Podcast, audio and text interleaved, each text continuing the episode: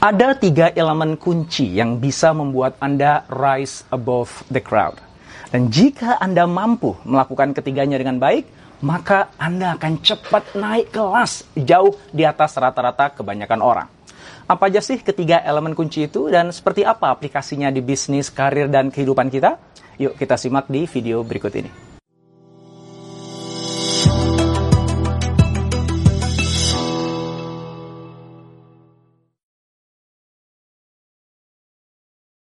Konstantinopel adalah kota terbesar di masanya. Segala keindahan dan kekayaan di dalamnya membuat ibu kota Imperium Romawi itu disebut-sebut sebagai kota paling diincar oleh berbagai pihak.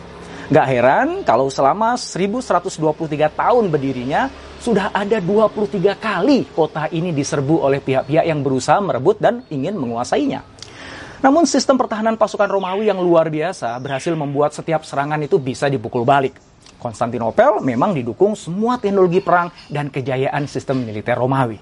Selain dikelilingi benteng besar, kota ini juga dikawal armada laut yang paling tangguh di masanya. Semua itu membuat penguasa Konstantinopel percaya mereka tidak bisa ditaklukkan. Sampai kemudian datanglah Sultan Mehmed II dari Kesultanan Utsmani pada awal April 1453. Mehmed datang dengan tekad menaklukkan Konstantinopel yang diserangnya dengan dua kekuatan sekaligus, Sebanyak 250 ribu personal pasukan darat menyerang dari utara dan ratusan armada laut menyerang dari selatan kota. Namun setelah 14 hari penyerangan, gak ada tanda-tanda Konstantinopel bisa ditaklukkan. Setiap serangan pasukan Utsmani di darat maupun di laut bisa dipatahkan. Kegagalan itu membuat moral pasukan Utsmani goyah. Sultan Mehmed II berpikir keras bagaimana caranya membalikkan keadaan. Dia kemudian melihat selat tanduk emas yang berada di wilayah timur kota sebagai satu-satunya jalan untuk bisa menembus pertahanan Konstantinopel. Namun jalan yang bisa digunakan untuk masuk ke sana ternyata diblokir oleh pasukan Konstantinopel dengan menggunakan rantai besi besar yang ujung-ujungnya diikatkan pada dinding menara. Setiap armada laut yang berupaya menembusnya selalu gagal. Sultan Mehmed II nggak menyerah. Dia yakin dengan janji Rasulullah bahwa Islam bisa masuk ke jantung Imperium Romawi itu. Lalu dia mengumpulkan semua komandan dan penasehatnya. Mereka kemudian menyusun taktik yang melawan logika. Jika kita tidak bisa memutus rantai itu, maka kita harus melewatinya. Begitu kata sang sultan. Akhirnya pada pagi hari tanggal 22 April 1453, pasukan Konstantinopel melihat sebuah pemandangan yang tidak terbayangkan sebelumnya. Mereka kaget dan hanya terdiam ketika menyaksikan 72 kapal Kesultanan Utsmani berjejer rapi menuruni Bukit Galata menuju perairan Selat Tanduk Emas. Satu persatu pasukan Sultan Mehmed II menembus pertahanan mereka dari sisi timur kota. Memang sebelumnya Sultan Mehmed II telah memerintahkan pasukannya menaikkan kapal-kapal mereka ke daratan. Kemudian dengan mengerahkan ratusan sapi jantan, mereka menarik kapal-kapal itu di atas gelondongan kayu mengitari Bukit Galata sampai ke tepian Selat Tanduk Emas. Hebatnya, aksi itu dilakukan hanya dalam waktu satu malam saja. Sebuah elemen kejutan yang luar biasa. Strategi cerdik Sultan Mehmed dan kekuatan aksi pasukannya yang luar biasa serta keyakinan kokoh atas tujuan agung perjuangan mereka mengakibatkan pertahanan kota yang tidak mungkin ditaklukkan itu berhasil ditembus. Itulah sebuah momen kunci yang berhasil memutarbalikkan keadaan. Konstantinopel akhirnya berhasil ditaklukkan pasukan Utsmani pada tanggal 29 Mei 1453. Sultan Mehmed II kemudian dikenal dengan julukan Al-Fatih yang berarti sang penakluk. Sejarah keberhasilan Mehmet II ini dalam menaklukkan Konstantinopel membuktikan bahwa rise above the crowd tidak bisa terjadi begitu saja. Sekalipun Anda orang yang sangat cerdas, berkuasa, kaya, dan banyak koneksinya. Anda harus tetap berjuang untuk bisa rise. Kerahkan semua daya dan kekuatan.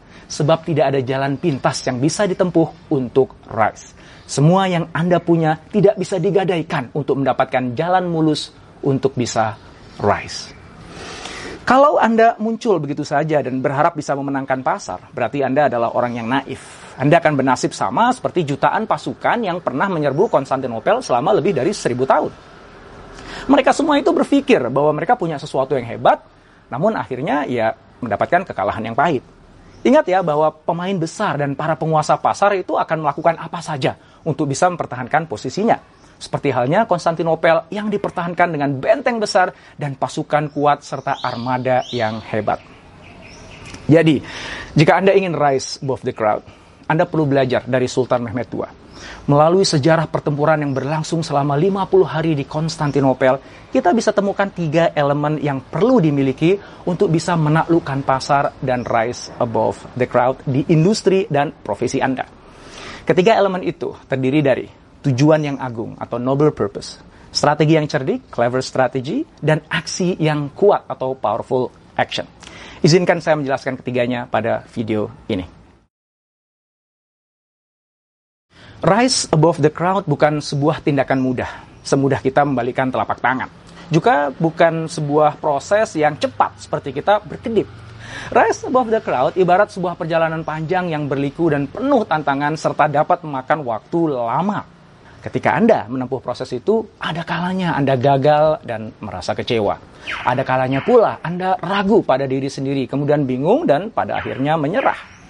Anda perlu memiliki tekad yang kuat supaya bisa mengatasi semua tantangan. Tekad yang kuat hanya bisa muncul dari sebuah alasan yang kuat atau sebuah purpose. Jika Anda hanya sekedar iseng untuk mencoba-coba rise, sebaiknya Anda batalkan aja niat itu. Jika Anda hanya iseng, maka Anda tidak akan pernah punya strategi yang baik. Juga tidak memiliki cukup kekuatan untuk memikul beban perjalanan, sehingga akhirnya ya Anda akan gagal nantinya.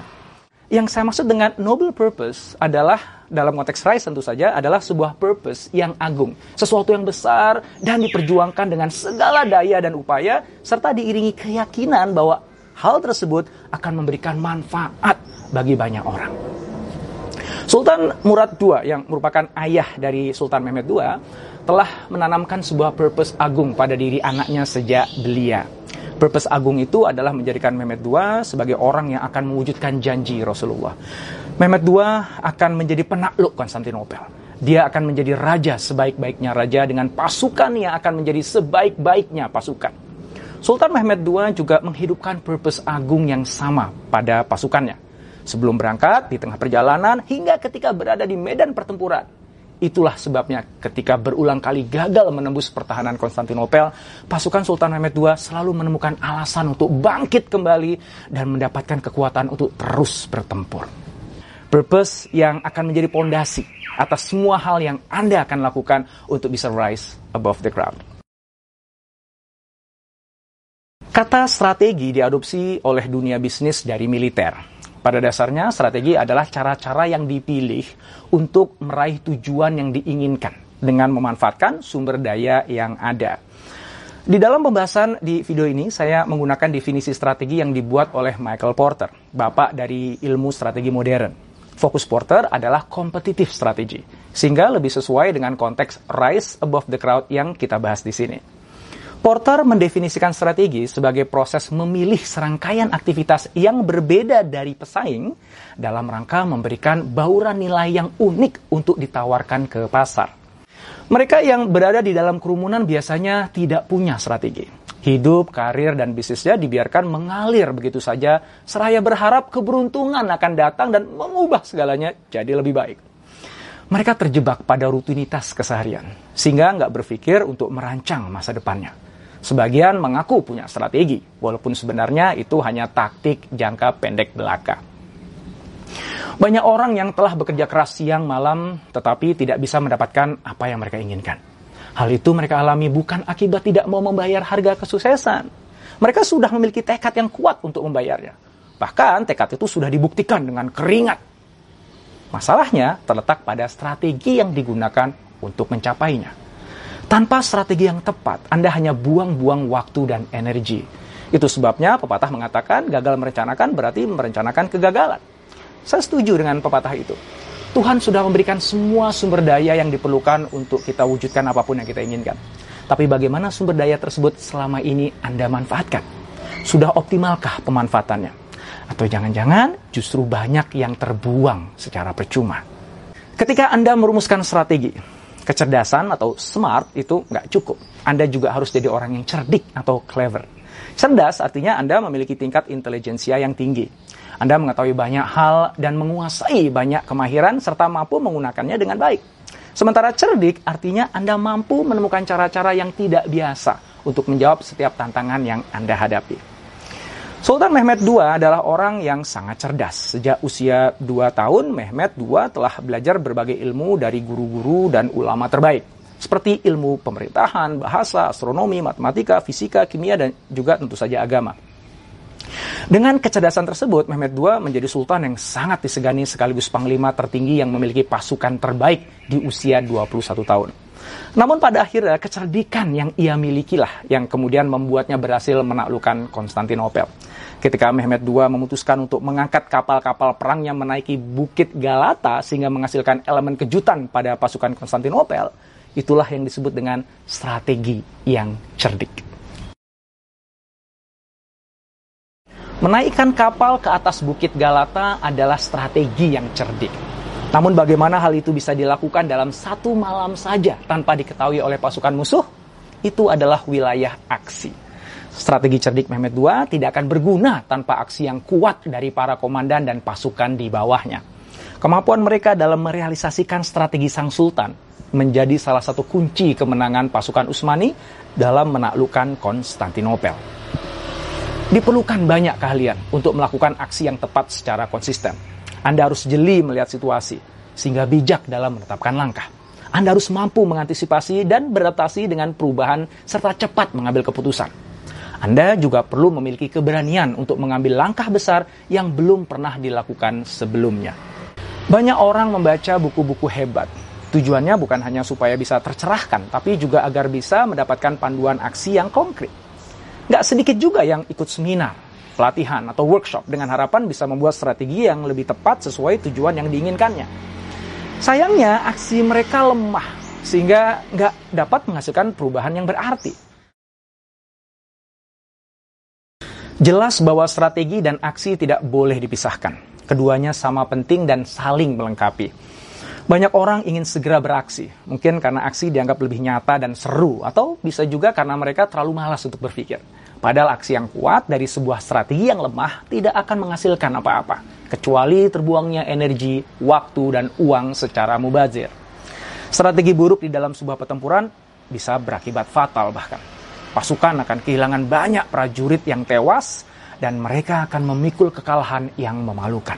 Oleh karena itu, rumuskan terlebih dahulu sebuah strategi yang jitu sebelum Anda melakukan aksi. Strategi juga bukan sesuatu yang ditulis di atas batu supaya tidak bisa diubah. Padahal dalam perjalanannya sebuah strategi boleh loh diubah. Ketika aksi yang kuat dari sebuah strategi ternyata tidak bisa mengantarkan Anda menuju tujuan yang diinginkan, maka strategi itu perlu Anda perbaiki. Rumuskan strategi baru yang lebih baik. Itu sebabnya dalam gambar formula rising antara kotak strategi dan kotak aksi ada tanda panah yang berputar.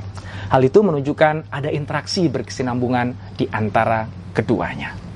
Jika Anda menemukan video ini bermanfaat, silahkan subscribe, like, dan jangan lupa untuk menyalakan notifikasinya.